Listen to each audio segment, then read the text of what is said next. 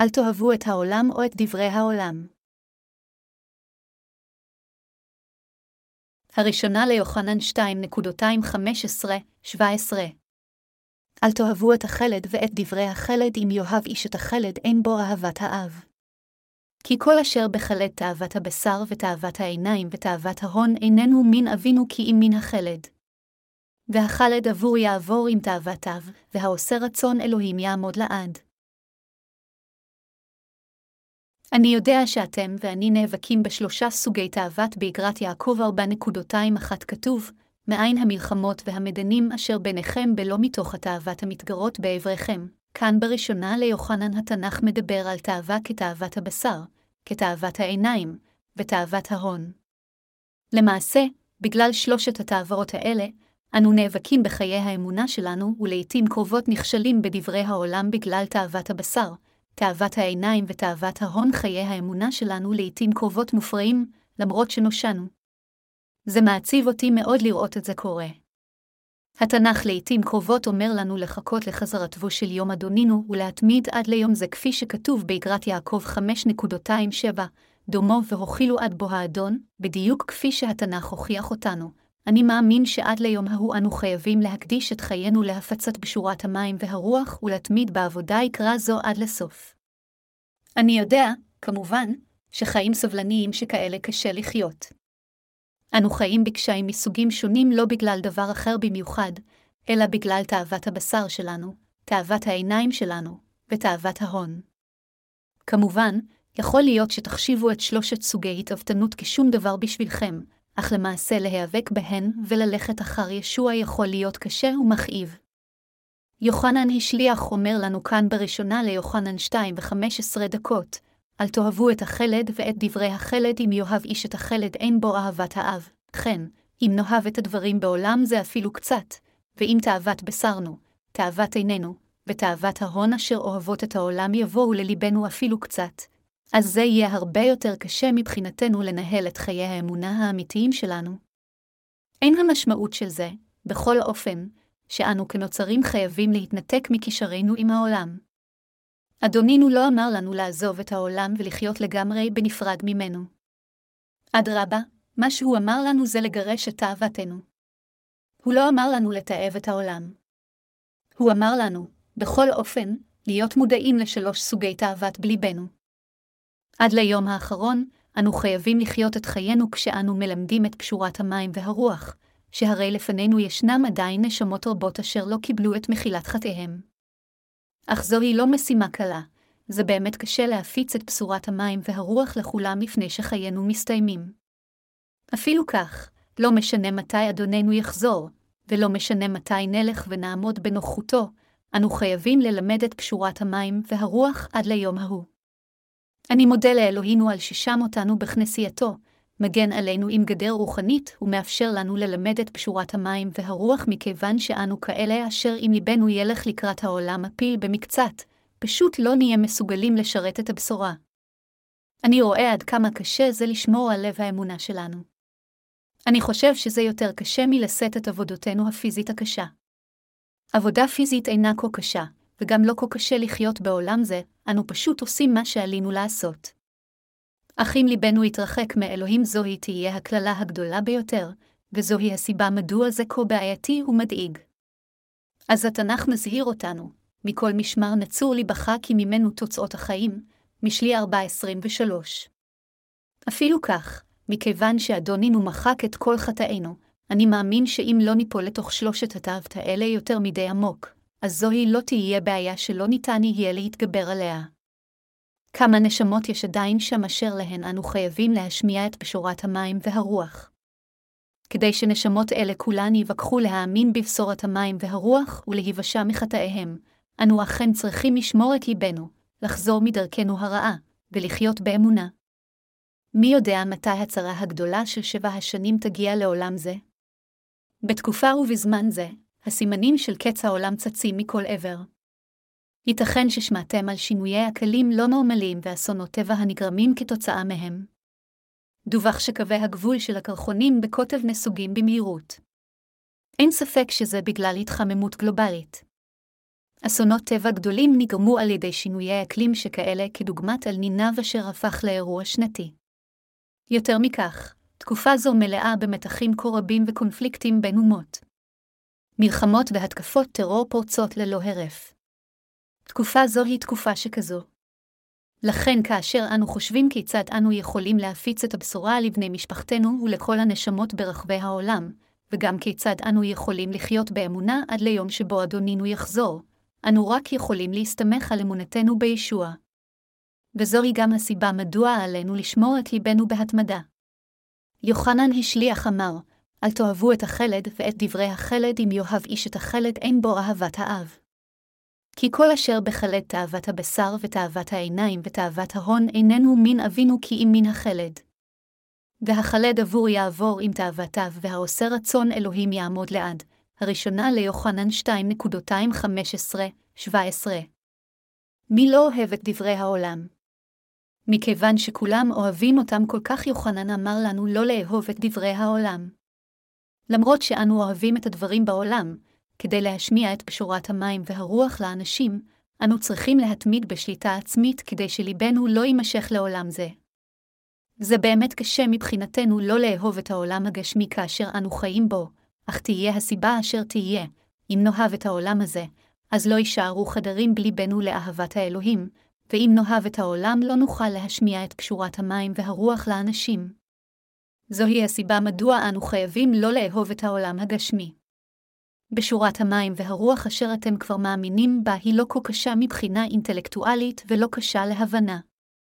יש אנשים האומרים שלהאמין בבשורת המים והרוח זה יותר קל מאשר לנשום, אך זה קשה כאשר האדם צריך להסיר את כל השקרים אשר מורי שקר הפיצו. לכן הפצת בשורת המים והרוח היא אפשרית רק כאשר יש לנו לב של אבא אשר אוהב את כל הנשמות. אם ישנה בליבנו אהבת ישוע, אז כל מה שעלינו לעשות זה להפיץ אהבה זו. אך אם אהבה זו שניתנה על ידי אלוהים אינה בליבנו, אלא כל מה שאנו אוהבים זה את העולם, אז אין שום דבר יותר קשה מאשר לנסות להפיץ אהבה זו מתוך טינה. מכיוון שאנו נושענו באופן מושלם מכל חטאינו על ידי האמונה בפשורת המים והרוח, אנו חייבים לשמור את ליבנו אם ברצוננו ללמד בשורה זו עד ליום בו יחזור אדונינו. אנו חייבים לשרת את בשורת המים והרוח, במילים אחרות, על ידי שאנו מחזירים את ליבנו הטועה, על ידי שאנו מתקנים אותו, על ידי התקרבותנו לאלוהים ועל ידי שנשליך את התאווה אשר ממשיכה לבוא לאלינו. רק כאשר נחזור, פעם אחר פעם, מליבנו אשר הלך בדרך לא טובה, נוכל לשרת את פשורת המים והרוח. קטע כתב הקודש של היום אומר, והחלד עבור יעבור עם תאוותיו, והעושה רצון אלוהים יעמוד לעד, חבריי מאמינים יקרים, עידן זה הוא הדין האחרון. מכיוון שזמן זה הוא קרוב, השטן עושה ככל שביכולתו כדי לגרום לכולם לאהוב את העולם הזה. ההתקדמות הטכנולוגית חושפת את כולם לפיתויים רבים אשר מגרים את התאווה. באמצעות כלים שכאלה של העולם השטן מנסה לגנוב את הכל, את עינינו, אוזננו, שפתותינו, ידינו, כפות רגלינו ואפילו ליבנו. כאשר עידן זה יחלוף, לא יישאר שום דבר בעולם זה יותר, אלא רק מלחמה, רעידות אדמה, אסונות וצרות. רק הרס יבוא לכל מה שבני האדם בנו. עד ליום זה, בני האדם רדפו אחר התקדמות מדעית וטכנולוגית נוספת, אך מכיוון שהמצאותיהם וגילוייהם לא מיושמים רק למטרות טובות, הם בסופו של דבר יעמדו בפני הרס מכל דבר אשר הם יצרו. זוהי הסיבה מדוע אלוהים אמר לנו בשעה זו, אל תאהבו את החלד ואת דברי החלד, בעוד שזה בסדר מבחינתנו ליהנות מהדברים שבעולם זה, זו טעות לאהוב אותם עם ליבנו. זה בסדר מבחינתנו לשלוט על דברי העולם הזה, ליהנות מהם, לנהל אותם היטב ולהשתמש בהם למטרות טובות.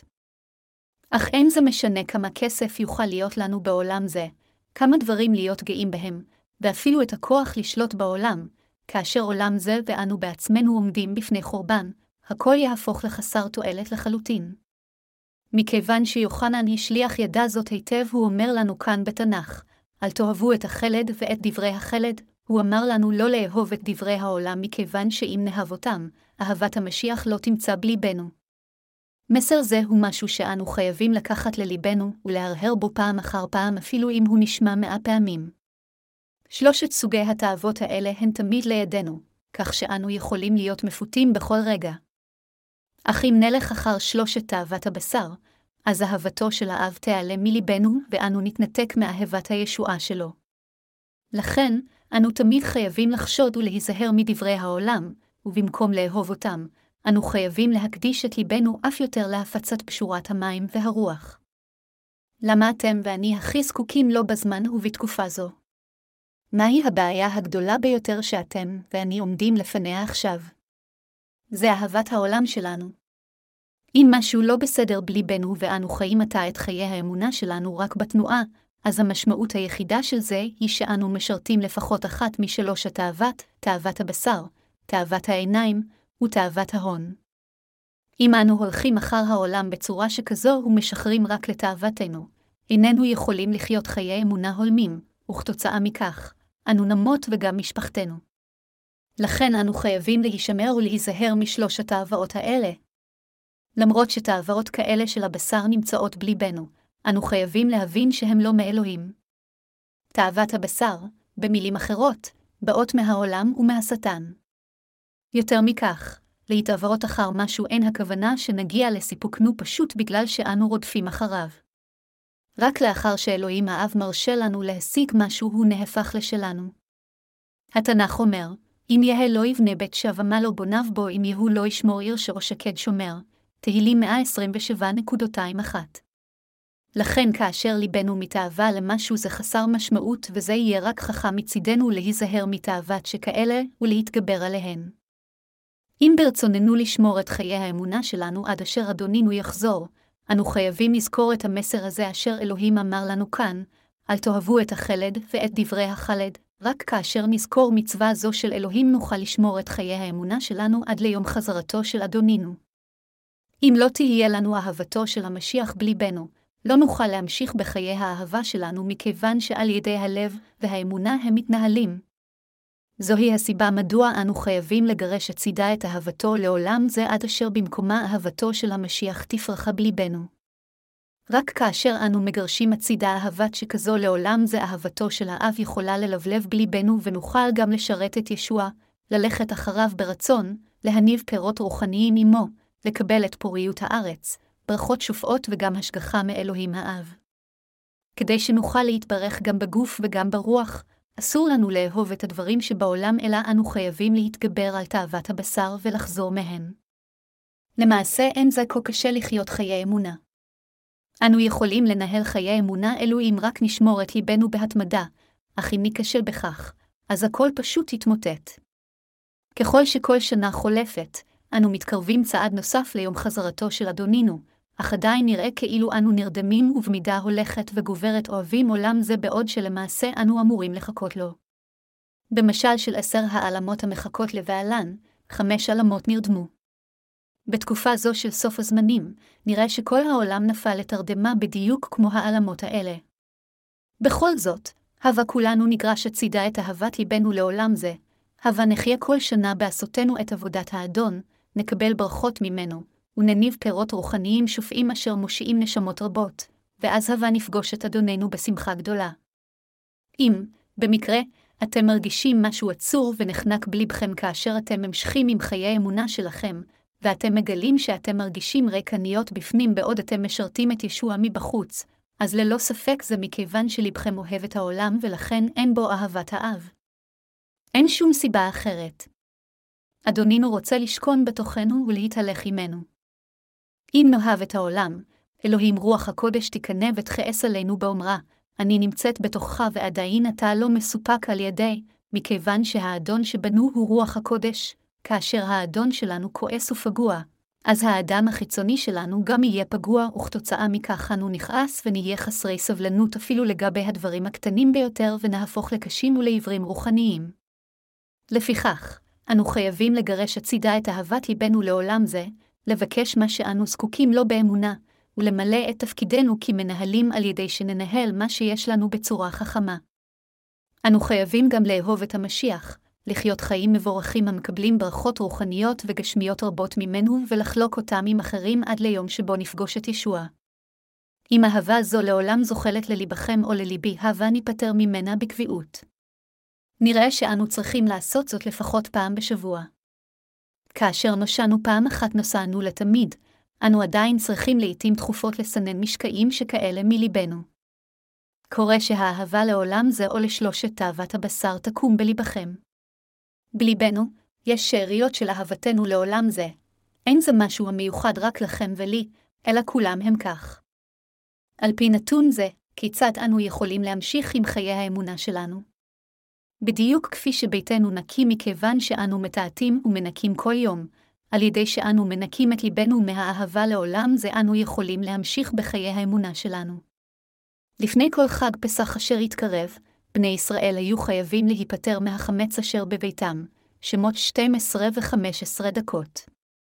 ישוע הזהיר אותנו, ראו וישמרו לכם משאור הפרושים בהצדוקים, מתי 16.26. הוא הזהיר אותנו שעלינו להתרחק מעל הגלסטים ומהחילונים. אם נאפשר לליבנו לאהוב עולם זה באופן קבוע, אפילו קצת משאור זה יקלקל את ליבנו, ואנו נעמוד בסופו של דבר בפני דינו. לכן, עלינו למחות אהבה שכזו לעולם זה מליבנו. חשבו על כיצד אדונינו הושיע אותנו, כיצד המושיע האדון ברך אותנו, מה משביע את רצונו, ולאיזו תכלית הוא הושיע אותנו, ולמרות שאיננו מסוגלים לעשות דברים כבירים, עשו מה שמשביע את רצון האלוהים אפילו בדברים קטנים. לאחר מכן עלינו לפגוש את ישבעה. היזהרו מיופיין של בנות האדם. הבא נפנה עתה לבראשית שש נקודותיים אחת, ארבע, ויהי כי החל האדם לרוב על פני האדמה, ובנות יולדו להם. ויראו בני האלוהים את בנות האדם כי טובות הנה, ויקחו להם נשים מכל אשר בחרו. ויאמר יהוא לא ידון רוחי באדם לעולם בשגם הוא בשר והיו ימיו מאה ועשרים שנה. הנפילים היו בארץ בימים ההם, וגם אחרי כן אשר יבואו בני האלוהים אל בנות האדם, וילדו להם המה הגיבורים אשר מעולם אנשי השם. דור זה נראה כאילו מופיע שוב כמו הדור שבבראשית שש. אלוהים אומר לנו שעתה, דור זה הוא כמו דור נוח, והקץ מתקרב לעולם זה. איך בא סוף העולם? מה קורה בסוף הזמני? ממה עלינו להיזהר עתה? אני מאמין שזה מה שאומר לנו אלוהים. בימי נוח, בני האדם החלו להתרבות על הארץ, והחטאים הפכו לנפוצים. ואנשי האלוהים אשר נטשו את האמונה והסתכרו מהעולם גם הפכו לרעים רשעים. לכן אלוהים לא יכל לעזוב את העולם כפי שהוא, והחליט לשפוט אותו. מדוע, אם כן, אנשי האלוהים הלכו בדרך לא טובה? זה מכיוון שבני האלוהים בראותם את היופי של בנות האדם לקחו את מי שחפצו בהן כנשותיהם, בראשית 6.22. מסיבה זו, אלוהים אמר, לא ידון רוחי באדם לעולם, מה היה חשוב כל כך שאלוהים אמר שהוא לא יהיה לעולם עם בני האדם. עלינו להרהר מדוע אלוהים עזב את האנשים בימים ההם, ואנו צריכים גם להבין מהי המשמעות של קטע זה. אלוהים תיעב כל כך שבניו הסתכרו מיופי בנות האדם. כל בני האדם הם צאצאיו של אדם. צאצאי אדם זה כולם נולדו כערמת חטאים, אך ביניהם יש את אלה אשר נולדו מחדש ואלה שלא.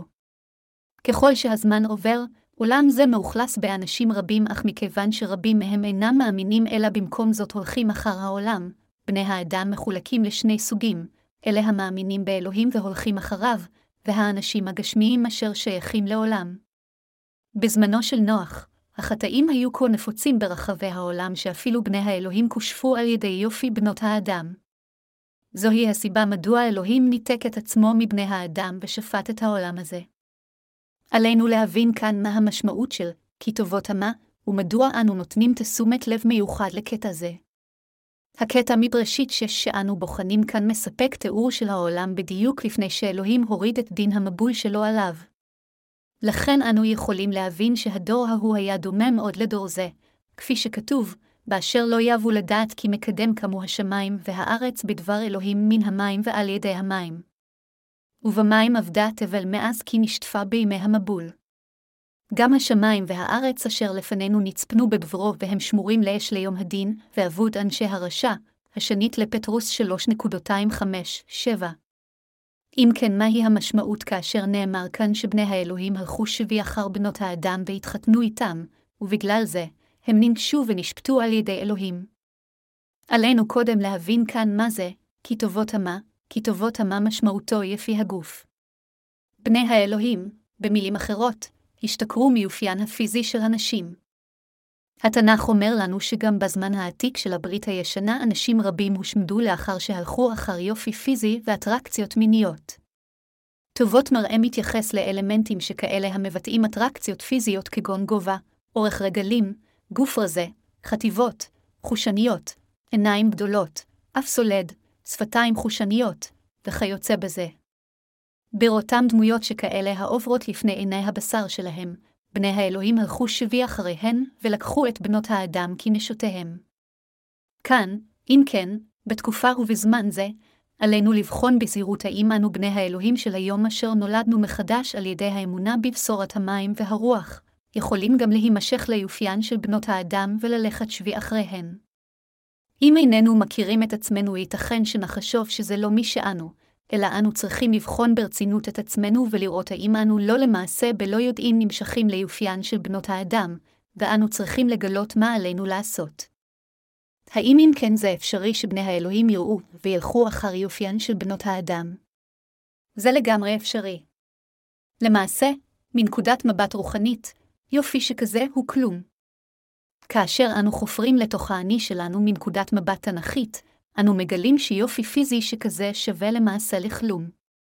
אך כאשר אין לנו את הידע התנכי הזה, העולם נראה יפה, ואנו עומדים לעתים קרובות בפני פיתויים רבים.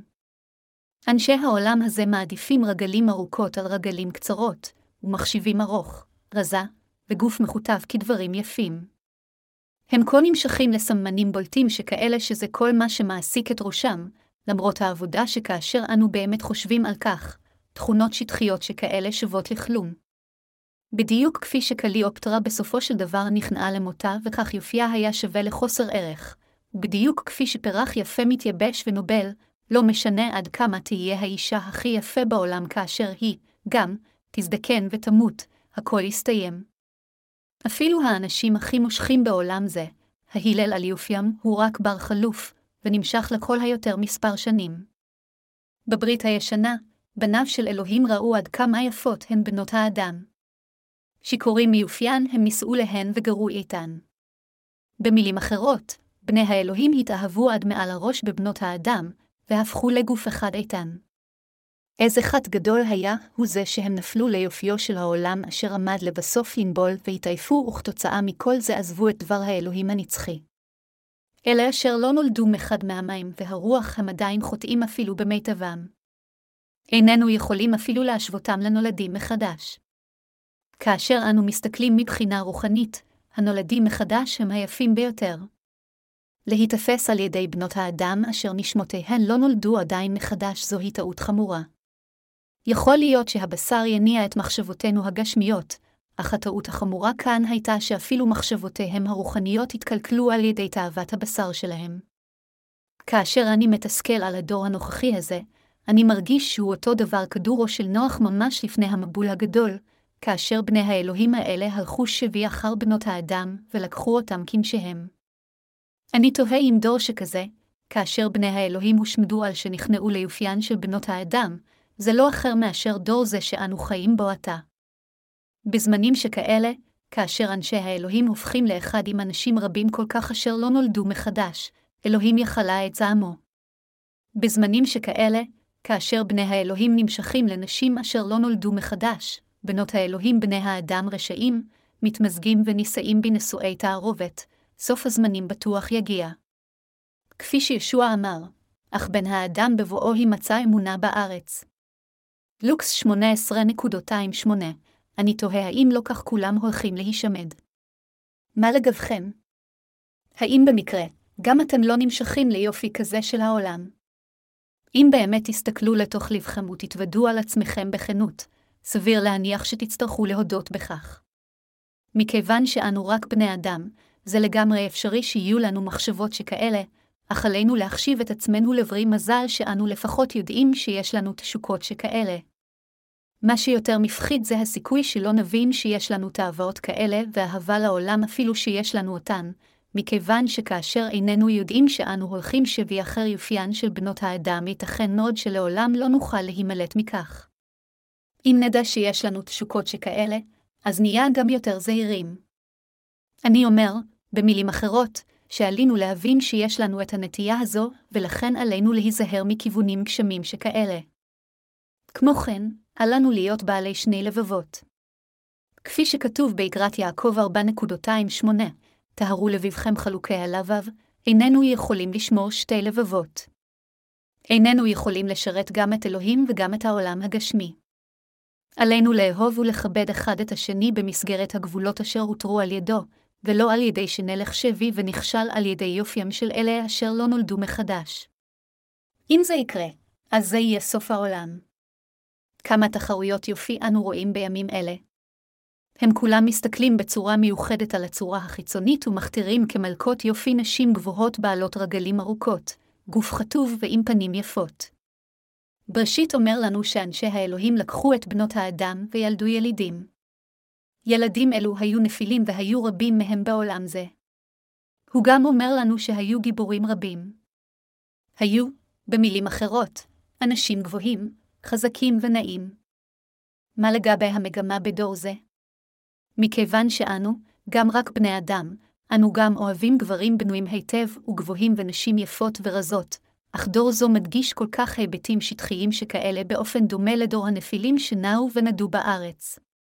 לנו, גם, יש עיניים ואנו רואים כל מה שיש לראות, מכיוון שיש לנו אוזניים אנו שומעים כל מה שיש לשמוע, מכיוון שיש לנו ראש אנו חושבים כל מה שיש לחשוב, מכיוון שיש לנו מוח אנו חשים כל מה שיש לחוש. ומכיוון שאנו חיים בסביבה של העולם הזה, אנו מרגישים כל מה שאפשר להרגיש בלי קשר אם אנו מאמינים בבשורת המים והרוח או לא. לכן, אם נאבד את ליבנו ליופי שכזה של בנות האדם, אז לא תהיה כל דרך שנוכל לחיות היטב את חיינו. במיוחד בשבילכם ובשבילי החיים בתקופה זו, פיתויים שכאלה של העולם מפתים אף יותר ונדרשים מאמצים רבים לדחות אותם. בשביל אלה מאיתנו אשר עושים את עבודת האל, האויב הגדול הוא יופיין של בנות האדם, כלומר, היופי של עולם זה. הרבה יותר מפחיד מכל התקפה שהיא עם רובים וחרבות היא יופיין של בנות האדם אשר אנו רואים עם עינינו, יופי העולם הזה.